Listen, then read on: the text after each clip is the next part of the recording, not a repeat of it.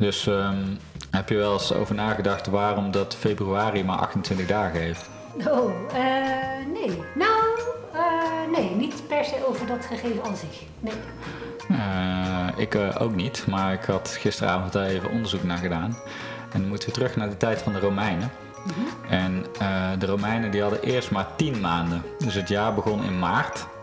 Dan was de laatste maand december. Dan hadden we eigenlijk een periode van niks. En dan begon het weer in maart. Toen dachten de Romeinen, ja, dat is eigenlijk niet handig, dus laten we er twee maanden bij eh, doen. Oké. En toen kwamen januari en februari. Toen hadden die 10 maanden, die hadden 30 en 31 dagen. Maar toen hadden ze dus eigenlijk te weinig eh, dagen om de complete omwenteling van de aarde te doen. Toen kwam onze vriend Julius Caesar en die dacht, dat is niet handig. Laten we er 365 dagen van maken.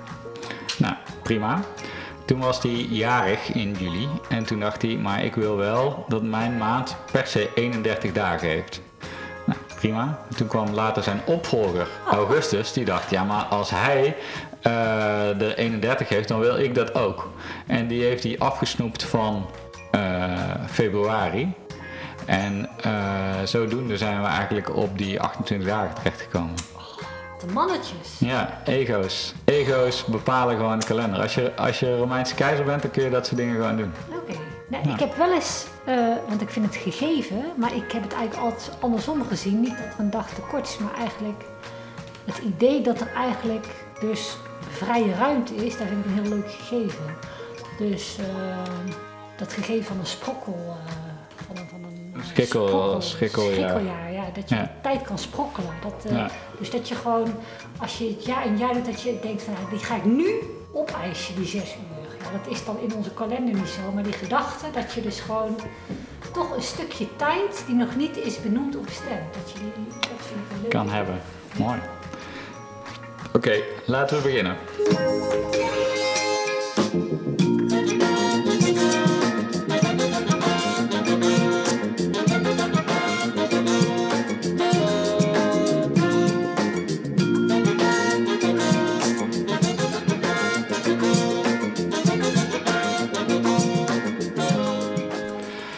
Dames en heren, van harte welkom. Aflevering 28 van Current Obsessions, de leukste podcast over marketing en media. En ik zit hier met niemand minder dan Olga Ruimakers. Welkom Olga. Oeh, applaus. Ehm, weet jij nog wanneer dat wij elkaar voor het eerst ontmoet hebben? Eh, zeker. Eh, ik weet in ieder geval waar. Het was in de Muntel. Eh, wij waren een soort van buren. Nou ja, niet letterlijk, maar we dezelfde straat in de Ja. Muntel in een bos. En allebei relatief nieuw in de buurt. En wij wilden allebei actie. En daar vonden wij elkaar in, volgens mij, toch? Ja, het was op Koninginnedag, denk ik dat dat toen nog heette. Zes jaar geleden, zoiets. Koningsdag, Ja. Koninginnedag. En eh, onze mede-buurtbewoner Ingrid Kemps, die, die matchte ons aan elkaar. Dat zij dacht van, ah, dit zijn twee creatieve geesten, die kunnen misschien wel iets met elkaar. Ja. En ik weet niet meer precies, want wij zijn daarna nog grootste plannen uitgevoerd met z'n tweeën. Ik weet niet meer precies hoe die tot stand zijn gekomen. Dus we zijn later het Bureau voor Buurtavontuur gaan doen. Ja, ja. Daarover dadelijk meer. Maar volgens mij hadden we eerst nog, jij wilde iets met een kinderboek. Wat jij van een eh, bevriende kinderboekenschrijfster. En dan wilde je iets, eh, een boeklancering en een, en, eh, en een speurtocht omheen. En ik wilde volgens mij dingen met kindervakantieweek en groter. En dat werd steeds groter. En toen kwam volgens mij ergens vakelijk het idee van we gaan, ja. we gaan iets groots doen. Oké, ja, dat Ehm. boek, daar, daar kan ik me niks meer van herinneren. Maar dat, dat zou zomaar kunnen. Ja, Ja. En toen is het Bureau voor Buurtavontuur, die naam heb jij bedacht. Want we dachten eigenlijk, we willen reuring in de wijk. Want kun je eerst even schetsen de Muntel, wat voor wijk dat is, voor de mensen die dat niet kennen? Eh, ja, dus eh, ik vind het echt een hele leuke buurt. Dus, eh, dicht bij het centrum en dicht bij het park. En is van oudsher echt een volksbuurt met mensen die er generaties lang wonen. En zo langzaamaan eh, komt daar steeds meer koop en is die wijk wel iets aan het veranderen. Ehm, dus er is nu een beetje eh, nou ja, een mix van mensen. En nou ja, de mensen die daar al langer woonden, die hadden zo hun eigen activiteiten. Met, uh, er was altijd uh, ieder jaar een uh, rommelmarkt en hartstikke leuk. Hollandse hits. Hollandse hits. En we dachten van nou, wij gaan ook iets bijdragen aan die buurt. En volgens mij is het zo. we hadden nou ook kinderen natuurlijk. Dat, dat ja. was het ook. Van, ja. Ehm, ja, want ik was in die tijd voorzitter van Stichting De Hobbel. Ja, en dat, was een, dat, was uh, dat is een stichting die op het Taxandraplein in Den Bosch speelgoed uitleent. Want er zijn veel bovenwoningen, veel mensen met weinig ruimte. Dus als je dan een tractor of skielers of stelten of weet ik veel wat, nou, die kun je dus huren Ja. bij uh, of lenen bij uh, De Hobbel. En dat was wel een hele mooie uitvalsbasis om activiteiten vanuit te organiseren. En ook omdat dat voor kinderen, kinderen, dat brengt natuurlijk mensen bij elkaar. Alleen er was natuurlijk al best wel wat dingen voor mensen met kinderen. En wij dachten toen eigenlijk van laten we dingen gaan doen die niet per se met kinderen te maken hebben, maar mensen wel bij elkaar uh, brengen. En ik kan me nog herinneren dat we zijn begonnen met restaurant Het Restje. Uh, wat een, best wel smerig een, eigenlijk. Uh, een idee was dat iedereen wat ingrediënten mee zou nemen. En dat we dan hadden we een kok gevraagd om daar een diner van te maken. En we hadden enkele, ja, hoeveel mensen waren? Een stuk of dertig denk ik wel. Mensen Ja. uitgenodigd uit de wijk om mee te denken over, oké, wat zouden we dan kunnen gaan organiseren? En van daaruit zijn toen eigenlijk een stuk of vijf activiteiten voortgekomen. Ik weet al niet meer wat het precies was. Ik weet nog dat we dingen met die moestuinen hebben gedaan. Ja, Dat we. die is er nu, hè? Dus dat is Ja, wel, dat is wel eh, vet. Dat is een blijvend een succes. van, eh, Ja, de legacy. en ehm, eh, oh, de lampenkappen was ook vet. Lampenkappen, We weet ik niet waar die zijn gebleven. We zijn hele grote lampenkappen gaan maken met mensen die we dan in december over de lantaarnpalen heen konden zetten. En ehm, we hebben nog een, de Nacht van de Nacht Oh ja, nacht. gedaan met licht en dingen. Oh ja. En dat was wel heel leuk. Ja. Want eh, hoe kijk jij eh, terug op dat project, op dat jaar? ja, het was hartstikke leuk. Echt gewoon heel veel, gewoon ook in een goede periode. Ik bedoel, ik zat toch iedere dag bij die zandbak. Jij ook. Ja, Dus ik kwam beter iets leuks doen. ja, dus eh, ja, volgens mij voor iedereen die toen heeft meegedaan en die aankwam waaien. En eh ja, was gewoon een beetje spelen voor grote mensen, toch? Ja, ja. Wat ik, wat ik me er nog wel van herinner is dat ik heel erg aan moest wennen dat er ook best wel mensen waren die die activiteiten eigenlijk maar raar en, en een beetje stommig vonden. Hè? Dus je, je schetste net al een beetje de samenstelling van die wijk. Waarbij je dus mensen zoals jij en ik eh, hebt die daar zijn gekomen wonen. Eh, een, een andere groep die daar al heel lang woont. En die groep die er al lang woont, die had wel zoiets van... wat, wat komen jullie eigenlijk doen in, in onze wijk? Mhm. En daar moest ik heel erg aan wennen, omdat ik eigenlijk ook dacht van... ja, maar dit is toch gewoon leuk, net als die lampenkappen. Eh, dat, dat riep echt wel verzet op. Mhm. En ik vond dat best wel ja, heftig in a way. Mhm. Zeker. Ja. was wel een leerpuntje. Dat, Ja.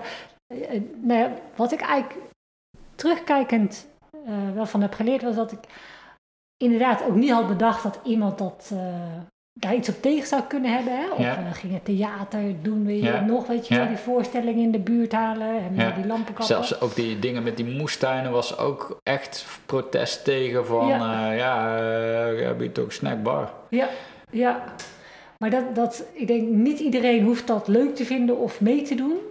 Maar ehm, volgens mij kwam de weerstand heel erg ehm, doordat mensen dachten dat in plaats van kwam. Ja, Dus in plaats van de dingen die er al waren, terwijl dat was nooit de bedoeling. Het was eh, hè, gewoon iets eh, Ja. wat wij leuk vonden en wat een hoop andere mensen ook leuk vonden.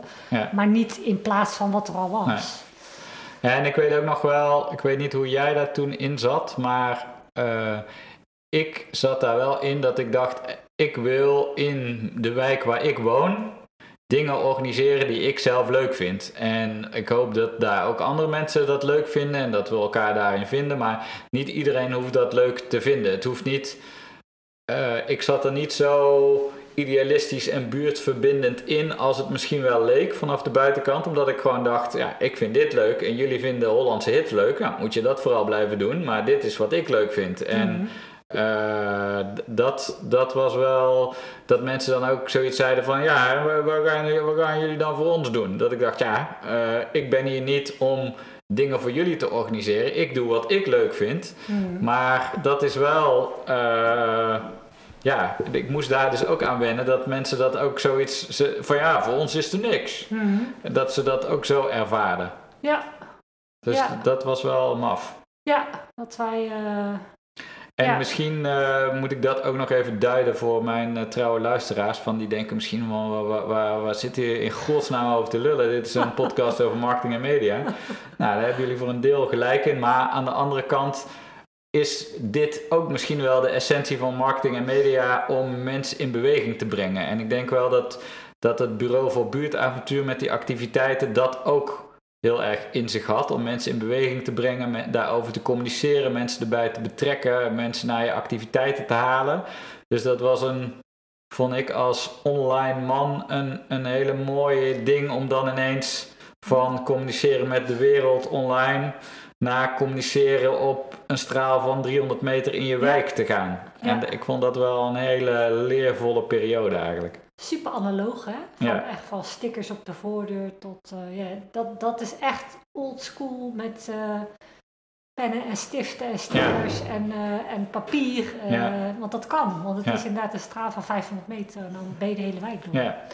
Ik vond ook wel, wat ik een hele mooie inbreng vond van jou, is, eh, en dat vertel ik nog wel eens door op feesten en partijen, van als je iets een naam geeft, dan is het ook iets. Dus je kunt vijf activiteiten gaan organiseren in een wijk, maar als je het Bureau voor Buurtavontuur noemt, dan heeft het al meteen een soort grandeur. Of dan denk je, oh, wat, wat, wat is dit? En hetzelfde geldt voor het beeldmateriaal, waar ik ben gewend om heel functioneel te communiceren. Was jouw ding daar samen met Richard heel erg in, Richard Graafs ontwerper, eh, om dat dan ook mooi te maken en, en net eventjes wat meer, ja, hoe moet je dat zeggen? Wat, wat meer eh, mystiek of zo. Ja, een beetje te proberen te prikkelen, of tenminste daar een eigen een, s- een stijl in neer te zetten waar, waarvan je denkt dat het, dat het de mensen die je wil hebben aanspreekt. Ja, Dus ehm nieuwsgierig maak denk ik. ja. Ja. Ja. Want dat deed jij in die tijd met jouw bureau ook, van Klein Geluk. Eh, volgens mij heb je dat een jaar of tien gedaan als zelfstandige. Hoe omschrijf je jezelf? Marketing, communicatie, professional of breder dan dat misschien? Eh, nou, nee, mijn bureau van Klein Geluk, eh, daar, daar was ik als hoofd, noemde ik mezelf eh, momentenproducent. Oh ja. En eh, dat was eigenlijk vanuit de gedachte dat ik heel erg geloof dat, dat er alleen dat je het nu moet doen. Dus dat je in het moment moet proberen mensen bij hun lurven te pakken en enthousiast voor iets moet zien te maken. Dus ehm, dat is heel erg ehm, momentgericht. Dus ik was een momentenproducent, dus dat, dat waren soms langere trajecten, maar het ging toch altijd op het, om het contactmoment eh, dat het erop aankwam. Mhm. Dus eh, dat had wel veel eh, communicatie in zich en ehm, vormgeving en nou, een beetje actiegerichte communicatie was het eigenlijk. Ja. Ja. Maar wel altijd, of was dat, is dat zo gegroeid? Of is dat altijd wel geweest in de culturele sector, om het zo maar te zeggen? Mm, ja, daar, daar zit heel erg mijn netwerk. Dus daar, en daar, heb, daar zit ook wel eh, mijn hart. Dus dat is ook wel waar, waar ik in ben beland. Ehm was niet eh, vooraf een hele duidelijk afgebakende keuze. Al opereer ik nu ook nog steeds eh, in een cultureel-maatschappelijk, beetje publieke domein. Dat is Mhm. wel mijn, mijn werk. Jouw plek. Ja. Ja. En de reden dat ik nou hier met jou zit, is dat ik zag op LinkedIn dat jij van naam bent veranderd. Van, van Klein Geluk naar Studio Samenleving. Ehm, ondertussen is de persoon Olga Rijmakers nog steeds wel min of meer dezelfde. Ehm, maar blijkbaar vond je toch het noodzakelijk om daar een andere naam aan te geven. Kun je ons meenemen in die overweging? Uh, ja, ehm, nou ja, wat jij zegt, van Kleingeluk is tien jaar geleden. dat is echt heel erg organisch gegroeid. Dat, dat is echt letterlijk begonnen met een, een rijmpje voor een activatietraject van de gemeente Den Bosch. Ehm, en zo ben ik gewoon gaan doen en dingen gaan maken. Ehm, maar van klein geluk, uh, hoewel ik, ik altijd zal blijven van het kleine en het persoonlijke, heeft het ook wel iets um, uh, knutseligs in zich. Dus mhm. iets, nou ja, letterlijk nou ja, klein, de naam zegt het. Terwijl ik eigenlijk uh, steeds meer in maatschappelijke verandertrajecten zit. En dus per definitie niet momentgericht, maar heel erg. Nou ja, dus wel gericht op het persoonlijke en op het mensen, hè, uh, contact maken met mensen. Maar, maar niet meer op ehm, kleine momenten. Nee, nee. Dus het is eigenlijk, uh, eigenlijk meer op systeemveranderingen. Dus het is echt van de momenten naar grote transities. ja, ja, ja, Oké. Ja. Het klinkt uh, heel tegenstrijdig, maar tegelijkertijd zit er ook, ook wel een hele logica of zit er ook wel een lijn in, zeg maar. Maar ik snap wel wat je zegt dat je als grote gemeente of woningcoöperatie waarbij die bepaalde weerstand tegen trajecten verwachten dat je niet meteen denkt bij de naam van Klein Geluk, oh ja, dat, dat is uh, een partij die mij kan helpen om deze transitie door te maken. Terwijl Studio Samenleving die ja, die naam wel, even, wel even meer regelen. in zich heeft. Ja. Ja. ja. En ook voor mezelf hoor, dat ik echt merkte van het, het klopt niet meer. Ik uh, ben daar uitgegroeid. En, uh, ja. En kwam dat uh, min of meer logisch dat je dacht van nou, dit, dit moet het worden? Of is daar een heel traject aan vooraf gegaan voor, voor jezelf qua nadenken? Of dacht je gewoon s'avonds op de bank, dit moet het zijn? hoe zal ik het even mooi vertellen? Ja, je mag, je mag, als het gewoon is van ik heb deze naam gekozen, dan is dat ook prima natuurlijk. Meestal zijn dat de beste, toch? Ja, nee, ja, nou, nee, het gaat eigenlijk meer. Uh, ik, ben, ja, ik ben eigenlijk heel erg van de, van de catchy en de, en de one-liners. Maar dan laat ik dat nou eens een keer niet doen. Dat hoeft ook niet te rijmen deze keer. Uh, ik heb gewoon heel erg gekeken, oké, okay, wat doe ik? Um, en wat, hè, waar wil ik me de komende tijd voor inzetten? En ik, ben, ik, ik, heb de afgelopen jaar heel erg veel projecten in de samenleving aangejaagd en mee ehm, geproduceerd. En dat, nou ja, daar komt en het communicatieve en het creëren en het activeren samen. Mm. En dat was eigenlijk, oké, dat Hè, dat is, uh, waar ik goed in ben en uh, uh, waar ik me nog meer op ga focussen. En ja, en dan komt die naam daar achteraan. Dus um, studio meer voor het creatieve en samenleving als mijn Terrein. speelveld. Ja. ja.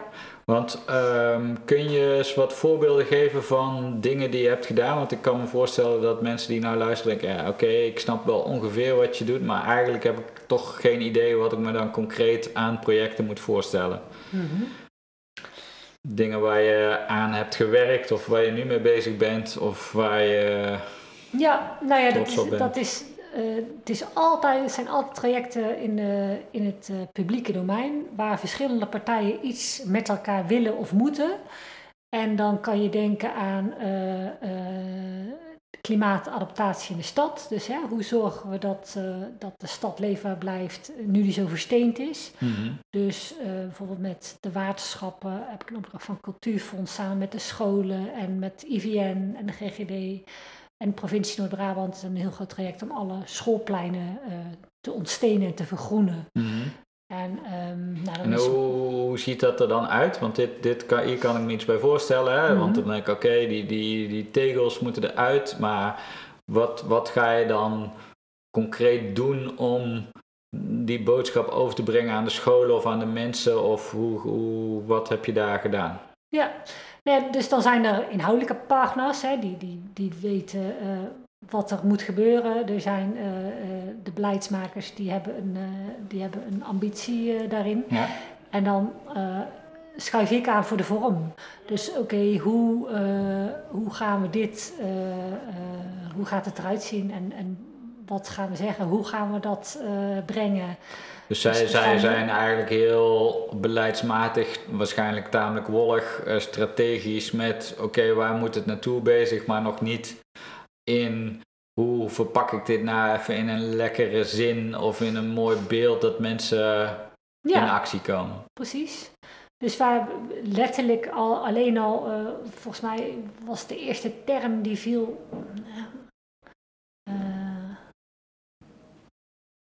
Klimaatadaptatie en dat is geworden eh, eh, groene schoolpleinen. Ja, dat is Ja. natuurlijk al een wereld van verschil. Ja. Of dat je kinderen gaat vragen van, gaan jullie, hè, gaan we mee het schoolplein eh, groen maken en, Ja. en, dat je er leuk kan spelen. Ja, Of eh, hè, met een, eh, eh, dus we zijn, zijn beelden gaan maken, eh, illustraties, eh, film, fotografie, klimaatstress, test, waarmee je met een eh, gek eh, mobiel voertuig op een schoolplein Hmm. kan meten of die eh eh, klimaatstressproof is. Nou, om, om gewoon de, een berg energie en, en om, om te laten zien welke kant het op zou kunnen en, en mensen daarin mee te nemen. ja. En dat, dat ze ook deelgenoot worden van, van, van het verhaal. Mhm. Oké, mooi. En dat zelf, ja, dus dit is een schoolplein, dus het eh, Ja. zit heel erg op het groen. Maar ook heel veel met eh, kunst in de samenleving, veel aan de hand, veel vaak eh, aangevlogen vanuit problemen in een wijk bijvoorbeeld. Hè, Ja. in veel wijken waar het slecht gaat. Het heel erg ingezet op, op welzijn, op, op hulpverlening. Terwijl je met kunstenaars vaak ook hele mooie dingen tot stand kan brengen als je er eh, op een andere manier met mensen hè, eh, gaat kijken wat, wat speelt er, eh, wat zijn de dromen en de verlangens en hoe kan je daar met elkaar vorm aan geven. Mhm. Dus trajecten met kunstenaars in buurten. Ik ben nu bezig met een heel groot project rondom kloosters. Dus ehm, ook niet iets wat ik eh, eh, zelf had bedacht, maar wat Nee. mijn pad kwam echt eh, fantastisch. Mhm. Ik zit helemaal in, in de geschiedenis van het kloosterleven in Brabant en hoe dat de identiteit nou ja, van Brabant, maar ook de, het onderwijs en de zorg Mhm. hè, heeft, heeft vormgegeven in, in de provincie. En of dat ehm, eh, wat en hoe we dat nu en voor de toekomst weer eh, opnieuw eh, kunnen vormgeven. Of, hè, er zijn hele grote vraagstukken in de zorg en hoe, we, hè, hoe gaan we met elkaar om. En, en eh, we hebben als geen enkele provincie zoveel kloosters in Brabant. Dus er zijn Hmm. eh, eh, 450 fysieke eh, plekken nog Oké. eh, die daaraan herinneren en die Ja. soms ook nog in, in functie zijn. En, en wie huurt jou hier voor dit specifieke project dan in? Want er- volgens mij is er geen overkoepelende koepel voor eh, laten we de kloosters in leven houden. NL. Nee, nee, het is echt een. eh, eh, het is vanuit de provincie Noord-Brabant. Oké. Komt die vraag. En ehm, dat, dat, dat, dat doen ze in het, in het licht van, van, van hè, de, de, de waarde van erfgoed. Dus van Ja. eh, identiteit. eh, eh, wie zijn wij? Waar komen Ja. we vandaan? Waar willen we naartoe? Wat verbindt ons? Nou zijn dit, ehm, dit zijn twee concrete projecten waar je ook concrete dingen voor doet. Ehm, tegelijkertijd is de output of het resultaat van zo'n traject wel heel moeilijk te meten. Tenminste voor mij als e-commerce man, ik denk ik meet een klikje en ik meet 10.000 kliks en er komen op een gegeven moment x orders uit, al dan niet te meten of terug te herleiden. Maar dan denk ik, oké, dit, dit is het resultaat van mijn inspanningen. Mhm. Dat is heel plat en ook wel makkelijk. Maar dat is bij dit soort thema's natuurlijk veel moeilijker. Hoe kijk jij daarna? Vind je dat lastig of, of heb je dat gewoon geaccepteerd? Mm, dat is wel eh, wat natuurlijk altijd wel de grote eh, vraag is en blijft in dit soort trajecten. Van wat levert het op? En Ja. terecht. Ik bedoel, Ja. dat eh, is ook belangrijk. Hè? Ik bedoel, dat is ook publiek geld vaak. Ehm, er zijn wel allerlei monitoren natuurlijk van, oké, in gemeenten? Bijvoorbeeld, bijvoorbeeld als je werkt in een buurt, dan is daar vaak wel een buurtmonitor die Ja. die aantal dingen waar je dingen uit kan aflezen en wat je dan na een interventie weer kan doen. Mhm.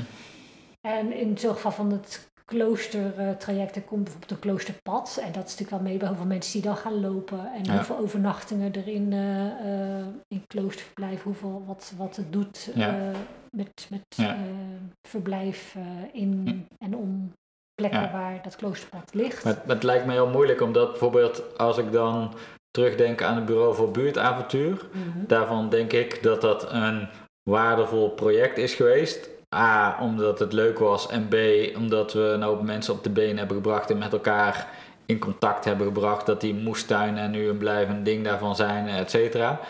Ehm, maar eh, ik kan dat nergens hard maken. Eh, dus, dus dat maakt het, lijkt mij ook dus wel eens lastig dat je dus wel degelijk een overtuiging hebt van dit, dit is nuttig en dit heeft een bijdrage, maar je kunt het vervolgens niet uitdrukken in cijfers, zodat je naar een opdrachtgever weer terug kan zeggen, hé hey, kijk, dit, dit heeft jouw investering opgeleverd. Be- Behalve de dingen die je dan noemt natuurlijk, maar dat is ook op een bepaalde manier indirect. Het lijkt mij voor jou als, als maker ergens frustrerend, ook omdat het, ja, wat je zegt, hè, het is vaak met publiek geld, dus dat moet ook verantwoord worden, et cetera. En dat, dat je dan eigenlijk die waarde die je levert niet altijd hard kan maken. Ja, nou, ik leid daar niet per se onder. Nee? Nee. en ik denk eh, eh, eh, anekdotisch, of, of hè, in de vorm van, van nou ja, de, de, hoe mensen reageren en wat er, wat er aan, aan pers verschijnt. Ja. Eh, Op die manier kun je ook of wel iets, de, hè, de- of, of iets wel of niet aanslaat. Hè? Ja. Dat, dat, ehm, dat zegt soms zelfs meer, denk ik, eh, dan eh, alleen de cijfers. Het is, Cijfers dat ligt ook aan, hè? Of en, je product ja. verkoopt of, of een, een samenleving probeert een andere kant te bewegen. Dat zijn natuurlijk heel grote Ja. Andere. Dat is echt appels met peren Ja, vergelijking. ja, ja. Maar ergens moet je natuurlijk hè, eh, wel. eh, ben je altijd op zoek naar eh, handvatten van oké, als ik dit doe, Wat gebeurt er wat dan? Gebeurt er dan? ja. Ja. En ehm, ook als ik nou weer terugdenk aan het bureau voor buurtavontuur, dat was eigenlijk een ding wat we hebben gedaan met financiële ondersteuning van het Prins Bernhard Cultuurfonds. Wat dus eigenlijk een initiatief was vanuit mensen in de wijk zelf, die dan zeggen, we hebben dit plan en we stellen daar, eh, of we, we vragen daar geld voor en we, we hebben dat geld gekregen. Ehm, zie je dat nog groter worden de komende jaren of is dat eh, een, een moeilijk ding, zeg maar, met, met burgers die steeds meer, hoor mij nou eens praten, burgers, maar met mensen die steeds meer twee banen hebben, steeds minder tijd om te investeren in, zeg maar even in hun eigen wijk? Of, of hoe, hoe kijk je daarnaar? Ja, dat, dat eh, wordt alleen maar meer. Ja. Wel ja? Ja, dat, dat die hele samenleving, tenminste zoals ik er naar kijk en, en wat, wat je ook wel wereldwijd ziet, is dat de hele, de alle grote structuren, die worden steeds meer afgebroken. Mhm. En eh, dat betekent dat eh, werk anders gaat worden, maar ook zorg, wonen. Hè? En hoe, hoe richt je dan een, een wijk in en wie kan voor wie zorgen en eh, wie heeft tijd en wie heeft eh, middelen. Ja, dat, dat moet allemaal opnieuw eh, worden uitgevonden. Ja. En ehm, ja, super, vind ik super interessant. En daar is heel veel gebeurd en er ligt steeds meer budget, zeg maar, in de samenleving zelf. Van oké, Wat beschikbaar is die- voor ja. mensen die iets willen. ja, en die weten eigenlijk, natuurlijk, eigenlijk is het ook heel logisch, hè? Die Ja. weten eigenlijk het beste wat er nodig is. Ja. Alleen de kunst is dan om, om te zorgen dat het wel gedragen beslissingen blijven. Dus dat niet ehm, de drie mensen die het meest actief zijn, eh, het, Bepalen. het hele, ehm, alle keuzes bepalen. Dat zie je natuurlijk vaak gebeuren. Dus, hè? dus Ja. dat, ja, dat is wel een zoektocht, maar in de basis geloof ik wel dat dat heel goed, een goed idee is. om, Ja. ehm, Dus dat is niet alleen maar als noodgreep omdat de bestaande structuren steeds minder dragend zijn, maar juist eigenlijk als kans dat het geld wordt eh, besteed door de mensen die zelf het beste weten wat er in hun wijk moet gebeuren. Het gaat niet meteen, om geld per se, maar de, de, de activiteiten worden ontplooid. Ja, ik denk heel veel werk eh, hoeven wij straks niet meer te doen. Dus dat uh, doen robots. Dus op dat vlak komt er weer tijd. Uh, en op andere punten is er juist weer mens inzet nodig. Mhm. En dat hele spel, hoe we dat dan gaan organiseren. weet je, soms, op sommige plekken is het gewoon een verkapte bezuinigingsmaatregel. Maar de, over de hele lijn zie je echt dat als je mensen eigenaarschap geeft over of het nou gaat over uh, geld of over een stuk grond of over een, uh, een eigen speeltoestel, Mhm, whatever, mhm. um, dat dat veel beter rendeert. Dus het is Ja. veel slimmer om, en kijk maar naar jezelf, als je, als je denkt iemand anders regelt wel, dan ga je achterover zitten. Ja, Dus op het moment dat jij Ja. verantwoordelijkheid krijgt en die ook voelt, eh, Ja. ga je in de, actie, in de actiestand. ja.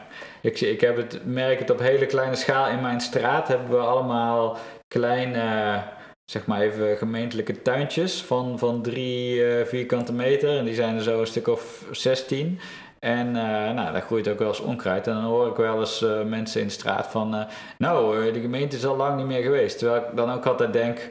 Yo, het ding ligt gewoon letterlijk tegen je eigen voortuin aan.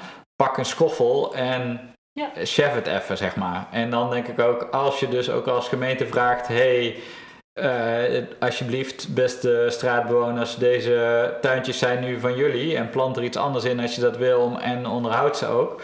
Dan weet ik zeker dat dat ook meer zou gebeuren. Maar nu is het inderdaad dat mensen dan...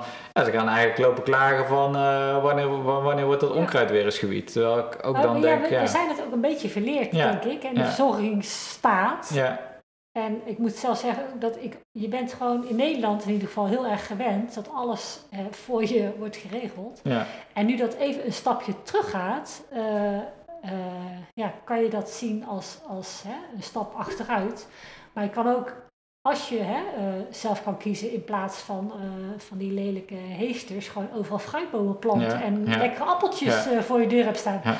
Dus, Maar het vergt wel een mentale omslag van, van iedereen. Ik zag ooit een filmpje van de KNVB. Die hadden ze gemaakt om besturen van voetbalclubs eh, mee te nemen in een soort denkrichting. Waarbij zij eigenlijk zeiden: gaandeweg zijn mensen voetbalclubs eigenlijk gaan zien als een soort fitnessclubs. In de zin van: ik betaal als lid een abonnement en dan kom ik op de club en dan verwacht ik ook dat de ballen zijn opgepompt en dat de lijnen zijn uitgezet. Terwijl 50 jaar geleden zijn na de oorlog al die clubs begonnen, die allemaal eh, eendracht, macht, macht en dat soort dingen heten. Eigenlijk echt vanuit een soort collectieve gedachte: hé, hey, wij willen zorgen dat onze kinderen kunnen voetballen, weet je wat? Mhm. Dan gaan we dat regelen en zetten een kate neer en we trekken op zaterdag die lijnen. Maar dat zijn we wel ergens een beetje kwijtgeraakt. En dat je dus dat, dat eigenaarschap inderdaad weer wat, wat teruglegt. ja. Dat is ergens wel heel goed, want dat, ook dat zorgt natuurlijk voor heel veel Ja. onderlinge verbinding en cohesie tussen mensen en dat soort dingen. Ja, ja, precies. Ja, het is precies dat verhaal van, Ja. van het verenigingsleven. Ja, ja. ja. Oké. Nou, dan is er eh, genoeg werk nog voor Studio Samenleving de komende jaren. Nou, oké. Nou, dankjewel. En ehm, ehm, we gaan een punt maken van eh, een punt achter aflevering 28 zetten. Dankjewel Olga en tot de volgende week. Hoi. Doei.